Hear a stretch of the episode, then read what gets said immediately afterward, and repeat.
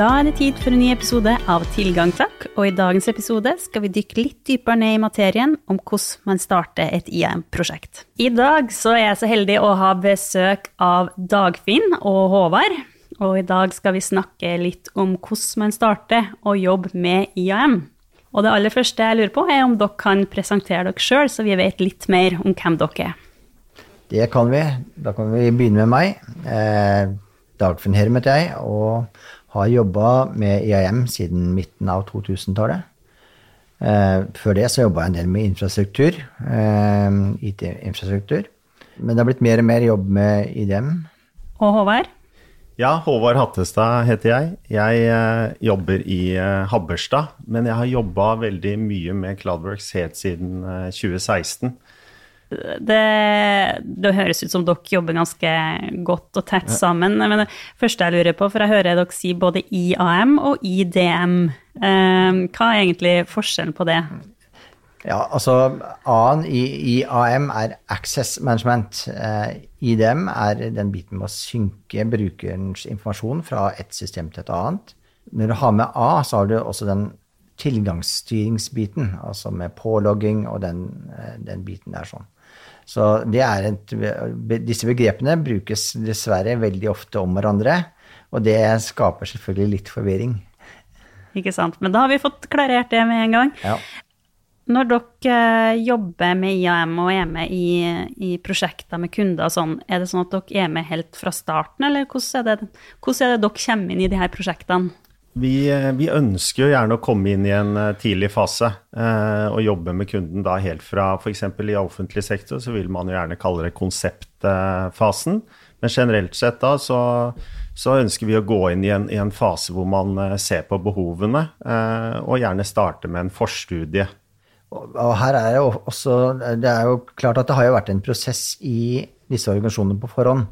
Altså det er ikke um, Og man har jo på en måte definert noen behov i en organisasjon.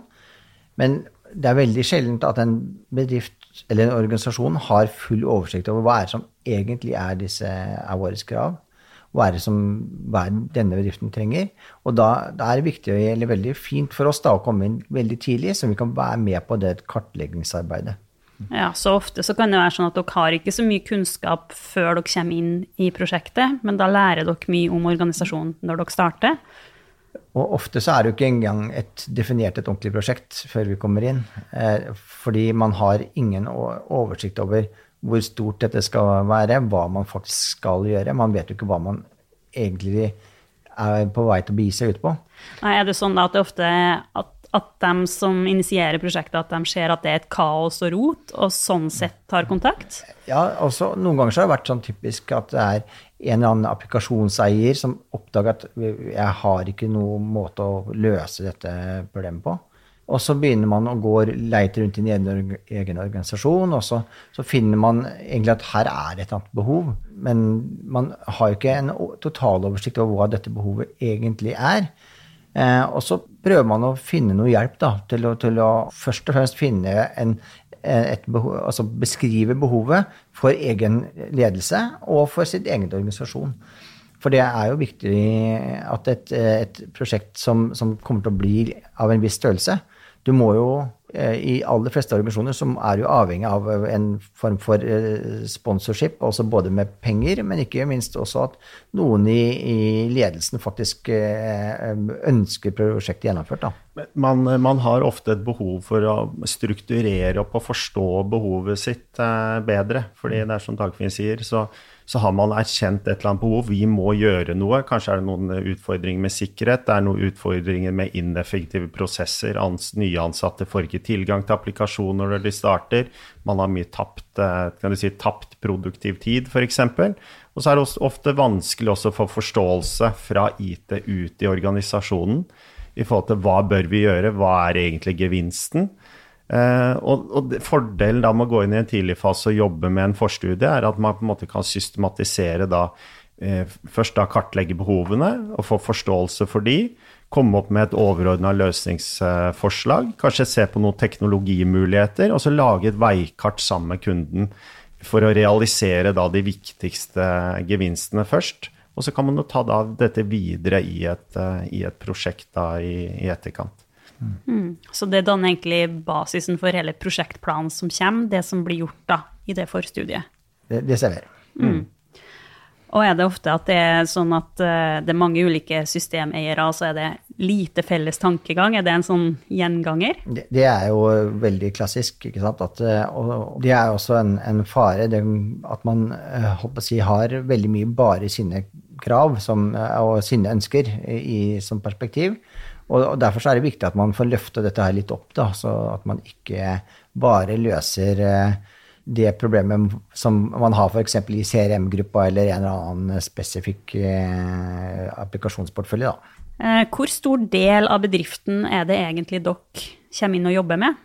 Ja, vi, vi, jobber, eh, vi, jobber, forholdsvis eh, med, med, en stor del av eh, virksomheten men uh, vi jobber uh, ikke alltid med så mange mennesker i startfasen av en forstudie, men det er viktig at vi kan jobbe oppover i virksomheten, opp til ledelsen, men også nedover i virksomheten, ned til arkitekter, systemeiere, applikasjonsforvaltere f.eks. Og i bredden at vi kan jobbe utover til uh, kjernevirksomheten med å forankre behov og gevinster. og til spesielt da de som forvalter prosesser, det vi gjerne kaller livssyklusprosesser. Når en ansatt starter, endrer et arbeidsforhold, slutter i virksomheten, typisk, og som gjerne er HR og lønnsenheten. Ja, for dere skal jo forstå hvordan bedriften eller virksomheten faktisk fungerer, og hvordan det her vil fungere for de ansatte. Er det ikke sånn? Ja, og ikke minst hvordan den skal fungere. fordi eh, veldig ofte så fungerer den jo på en eller annen måte pga. en eller annen historikk. Ja. Og det er ikke sikkert at um, den prosessen man har allerede, at den er spesielt godt tilpassa organisasjonen i dag. Mm. Eh, og, og, ofte så ser vi det at vi må hjelpe til i organisasjoner til å, å endre ikke bare den IT-tekniske eh, biten av eh, prosessene, men at det også kan gjennomgås i samme øyeblikk eh, hva slags prosess man har totalt sett da, overfor en prosess, typisk en, en nyansettelsesprosess. Ikke sant. Jeg bare lurer, er det sånn at hvis det er en veldig stor virksomhet, er det sånn at da blir det et stort og langvarig prosjekt, eller kan det være helt individuelt? Det trenger nødvendigvis ikke ha en uh, sammenheng, for det, det, handler jo mye om måte egenarten til virksomheten. Jeg, jeg, tenker at kommuner er kanskje et veldig godt uh, eksempel, hvor, uh, hvor, en liten kommune kan være like kompleks som en stor kommune. Fordi mm. man f.eks.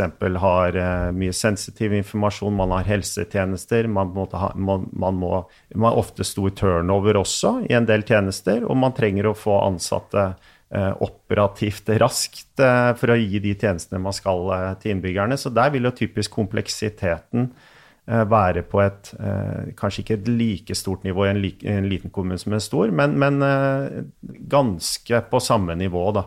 Ja, fordi man vil jo ha eh, like mange hjelpepleiere og brannmenn og, og, alt sånt i en liten kommune som i en stor kommune. Ikke like mange, men like mange tjenester. ja, ikke sant? Og det er det det her går på. Det er jo hvilke tjenester man, man tilbyr. Og, og, sånn ser det også med, med private virksomheter. Det har jo noe med hvor mange forretningsområder og forskjellige typer eh, reelt sett roller da, man har ute i organisasjonen, som er den som driver kompleksitet opp.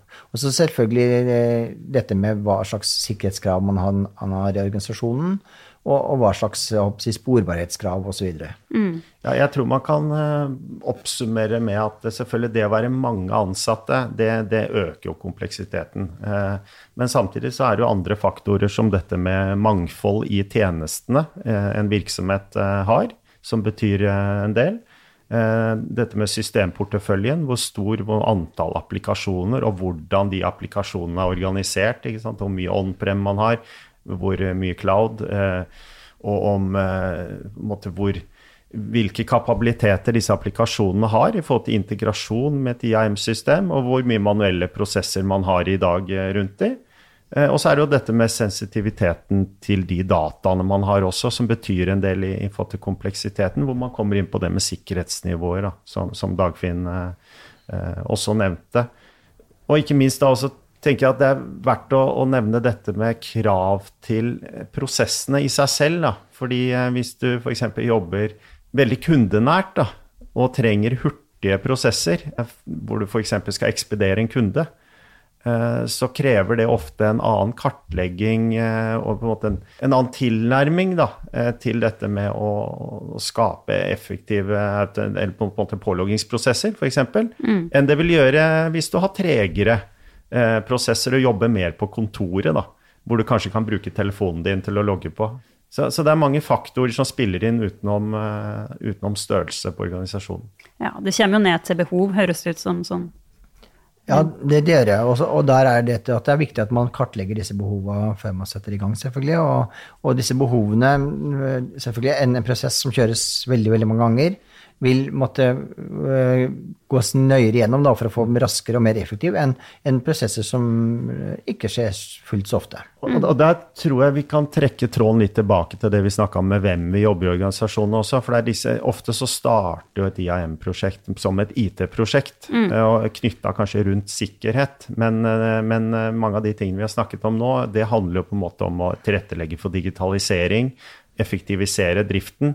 Og der er jo ikke alltid forståelsen er til stede eh, hos alle de ute i kjernevirksomheten eh, som, som, jobber mer på forretningssiden. Og, og derfor er den forstudie, på en måte tilnærmingen med behovskartlegging også veldig viktig. da, For mm. å komme riktig i gang med prosjektet og fokusere på de riktige tingene. Og så få med de rette menneskene også, ikke minst. da.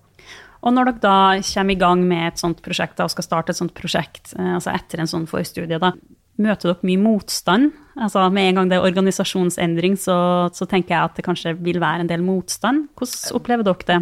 Ikke organisasjonsendringer på så måte, men dette med at man får en del nye krav i sine prosesser. Eh, man kan plutselig få et høyere krav til eh, nøyaktighet i den type arbeid du utfører. F.eks. en HR-medarbeider. Hvis man legger en person i feil organisasjonsenhet, så får det store konsekvenser med at brukeren får tilgang til feil datasett og kan ikke gjøre sin jobb osv. osv. Også andre steder så vil det være en, en si, Man må endre litt på sine prosesser, da.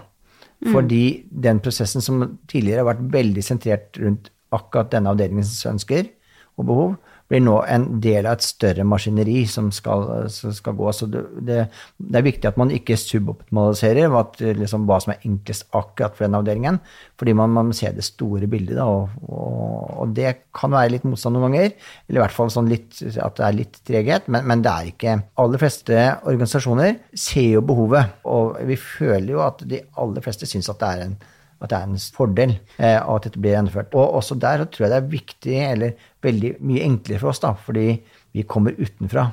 Og det blir litt enklere å møte organisasjonen når du ikke eh, å si, kommer med noe historisk bagasje da, med, med, uenigheter eller noe sånt noe i organisasjonen. Ikke sant? Jeg tenker også, Det kan ofte være en misforståelse at man tror ting skal bli så tungvint. da. Så der, eh, der, tenker jeg også det med kommunikasjon, eller det å Endringsledelse, kanskje overskriften på det. At mm. man uh, når ut og får forklart også både uh, for fordelene med dette på, på, en god måte, og at man ser at en prosess har en forside og en bakside.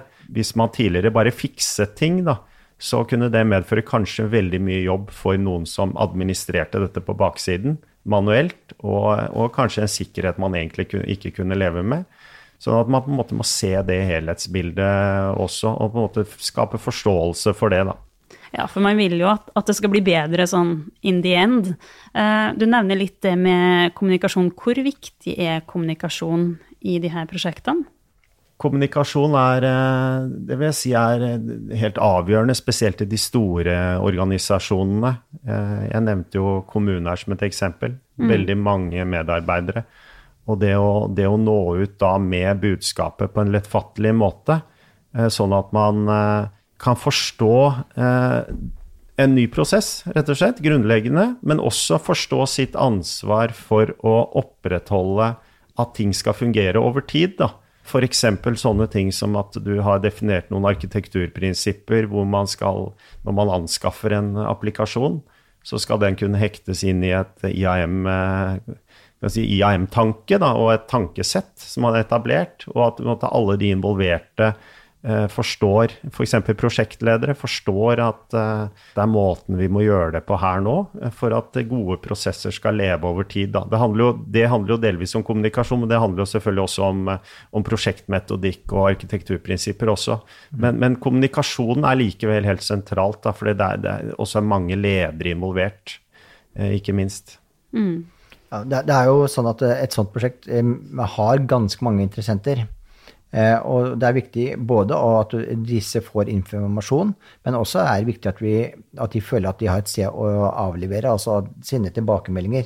Så at ikke man har en enveiskommunikasjon ut til, til organisasjonen, men at vi faktisk har arenaer der man kan ta imot informasjonen også. Og innvendinger, for en innvending kan være veldig viktig å få tidlig i prosjektet, og ikke oppdage det som en bug, mer eller mindre, i prosessen helt mot slutten, da. Mm. Det er jo litt sånn at eh, hvis man er leder i en kommune f.eks., så, så er man ikke så veldig opptatt av eh, Eller i en, eh, en, annen type virksomhet, for den saks skyld. Nå har vi brukt mye kommuneeksempler i dag. Eh, men eh, man er ikke så veldig opptatt av hva er det HR-systemet løser når jeg får en nyansatt, og hva er det IDM eller IAM eller tilgangssystemet løser.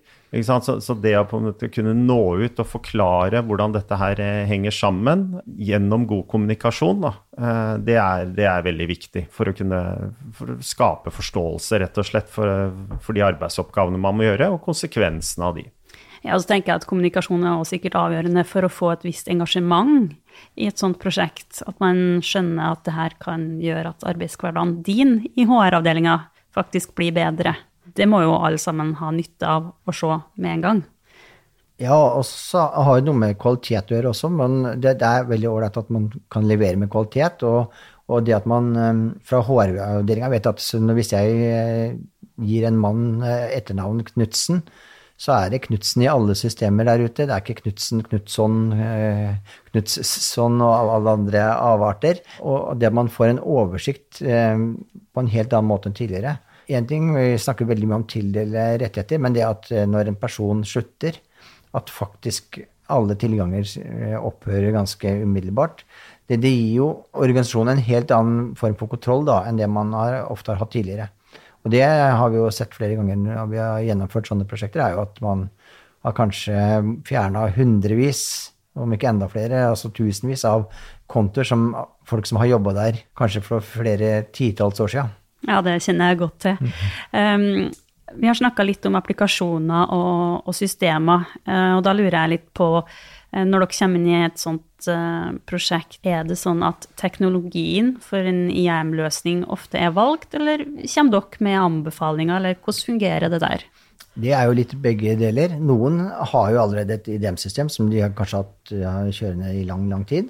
Noen ganger, som du nevnte altså, som vi begynte med innledningsvis, så, så er det jo et, en kunde som egentlig ikke har noe IDM-system, eller i hvert fall bare en, en slags hjemmelaga løsning som står her og der. Og i de tilfellene så er jo vi med på å prøve å vise vei da, til hva slags valg kunden skal ta. Eh, veldig ofte så kan vi komme med noen eksempler og så gi litt sånn pro og con på de for forskjellige typene systemer. Og dermed sette kunden i stand til å foreta de valga basert på en litt bedre kunnskap da, enn det man hadde før et sånt eh, prosjekt. Og da vil vi også vite veldig mye mer i det man setter i gang prosjektet, med hva er begrensningene og mulighetene med den plattformen man faktisk har valgt. Ja, og jeg, jeg, tenker at Et viktig råd da, når man, når man, hvis man erkjenner her at her trenger vi å anskaffe ny teknologi, som, som vi har sett som, som, er veldig viktig, da, det er jo å anerkjenne at man vet ikke hva man ikke vet. Mm. Sånn at uh, spesielt når man henvender seg til leverandørmarkedet, at det skjer veldig mye innovasjon der ute. sånn at man, når man har f.eks. vært gjennom en forstudie eller en behovskartlegging og, og vet litt om behovene sine, f.eks. beskrevet som brukerhistorie eller beskrevet på, på litt mer på overordnet nivå, og at man, når man da går ut og kravspesifiserer og, og sender f.eks. For en forespørsel til leverandørene, at man ikke er for detaljert om hvordan ting akkurat må løses. Mm. For da vil man jo fort ende opp med å låse leverandørene til en spesifikk måte å løse et behov, og kanskje så får man svar som man egentlig ikke ville ha. Da. Man eh, får ikke nyttiggjort seg den innovasjonen som kanskje leverandørene har, som man ikke visste om, ved at mm. de kanskje ville foreslå en helt annen tilnærming. Da. Så hold på en måte den kravene på et litt overordna nivå når man går ut til leverandørene, og få innovative svar tilbake. Ja, så bort med skylappene som man har satt på seg. Det er jo et godt eksempel på um, kanskje en feil man gjør, da, men hva ser dere som den største feilen som man gjør når man begynner å jobbe med et IM-prosjekt? Ja, det, det, det, vi ofte ser, er jo at noen kjøper jo system først, da, og så når de først har systemet og begynt å implementere litt, og sånn begynner med sånn småimplementering for å ta den der low hanging fruit som alle snakker om, eh, og så har man egentlig valgt feil produkt, kanskje begynner med implementasjon som er blindgate osv., så, videre, og så, så det er jo en vanlig mm, feil, da, at man starter litt i feil ende. Ja, det er ganske ofte det at man ser at man har valgt en teknologi, og så prøver man å tilpasse behovene etter teknologien, og ikke motsatt. Ja. Og så er det jo også dette som vi har vært inne på, at, eh, at man ikke bare tenker at dette er et IT-prosjekt, men at man eh, tar steget ut og faktisk finner ut eh, hvilken effekt denne, denne implementeringen eller prosjektet kan ha. Da, og, tenk, og, huske på det at IT lager jo først og fremst rammeverk, men hvem som skal ha hvilken tilgang, rolledefinisjoner, det er jo vanskelig for hvite IT alene å mene noe om. Så at man på en måte får på plass da og kartlagt hva som er riktig for forretningen og kjernevirksomheten. Og også at man klarer å involvere de videre etter prosjektet og tar de med tidlig, så at man får på plass en forvaltning rundt eh, IAM-systemet. For det er jo ofte noe som man kanskje ikke feiler i prosjektet, men som man ser gjerne feiler med IAM generelt sett. Da. Det er jo at man ikke har fått på plass en god forvaltning. Så at når man har automatisert tilganger, så er det ingen som vedlikeholder det. ikke sant? Mm. Og så endrer organisasjonen seg, og man får nye eller endrer omorganisering. Men det kan også være nye arbeidsoppgaver. Og så henger ikke det sammen. Det blir feil tilganger i forhold til feil funksjoner og arbeidsoppgaver. Og så forvitrer det, og så er man litt sånn tilbake til manuelle prosesser igjen. da. Men det er ofte nøkkelen å involvere de menneskene som skal være med i forvaltning da, tidlig i prosjektet. da. Mm. Og en, et kort svar på det, beskrivelse av det er at det er et, ofte kjøres det som et IT-prosjekt og ikke som en organisasjonsprosjekt. Mm. Og det er det som er litt viktig i, å, få, få, det gjennom som et organisasjonsprosjekt, og ikke se for snevert på de tekniske utfordringene man skal løse da. Ja, gode råd der. Uh, Største feilen, det er det. Og største gevinsten Vi har jo vært litt inn på gevinst her, men eh, hva vil dere si at er den største gevinsten? Ja, Man støtter jo opp om eh, digitalisering, som er eh, viktig for veldig mange organisasjoner. Og så får man en mye mer raskere prosesser. Altså Ansettelsesprosessen krever mindre manuell eh, håndtering, og den blir raskere. Og ikke minst, vi får mye mer kvalitet. altså Det blir den samme prosessen som vil gjennomføres hver eneste gang. Det er ikke sånn at det blir til, masse tilfeldighet i disse prosessene. Jeg vil jo si der, for å bygge litt på det Dagfinn sier, at de har fått dette med digitalisering, da, så handler det også om å evne å knytte f.eks. kunder og partnere, ansatte, tettere til seg, spesielt ha kunder, partnere, ved at man, man, har på en måte kontroll på identiteten til hvem de er, og kan nå de på en helt annen måte da, når man har kontroll på det gjennom et eh, IAM-system. Og når det gjelder prosessene, så, så er det også viktig å huske at, eh, at de, de, har ofte to sider. De har den forsiden som den ansatte opplever, eller en kunde opplever, at ting går raskt. Man får PC-en sin når man skal eller man, Nå er det litt på siden av IAM, men man starter som nyansatt. At man får de tilgangene man skal fra dag én, og kan starte å jobbe. Men det har jo også en bakside, og det handler jo om at noen må si, tildele de tilgangene, enten manuelt eller automatisk. Og det å ha et blikk på begge de sidene, da, Mm. Uh, at de er effektive, det vil jo ha stor effekt for organisasjonen. Uh. Ja, ikke sant. Og eh, vi skal begynne å, å, runde av litt. Men for dem som nå sitter og hører på og skal i gang med å jobbe systematisk og strukturert med IAM, har dere noen råd til dem som helt på slutten? Ja, det må være at man bør skape seg et framtidsbilde på hvor man vil, og kanskje da se fram, fem år fram i tid. Og først designe et, et grovdesign basert på et langt perspektiv. Så langt perspektiv i, i det, det design og, og, konsept. Men etterpå skal implementasjonen komme i gang, og da skal du tenke små skritt med, med litt og litt implementering. At man passer på å ha de to perspektivene, med, se langt, men jobbe med skritt etter skritt. Og når du skal koble opp eh, forskjellige systemer da, eh, mot IDM-løsninga, selvfølgelig så må, bør du da først se på hvilken kilde du har, altså typisk HR-system, men også type masterdatasystem for å få inn all mulig informasjon som du skal benytte for å kalkulere ut hvilke rettigheter en ansatt skal ha.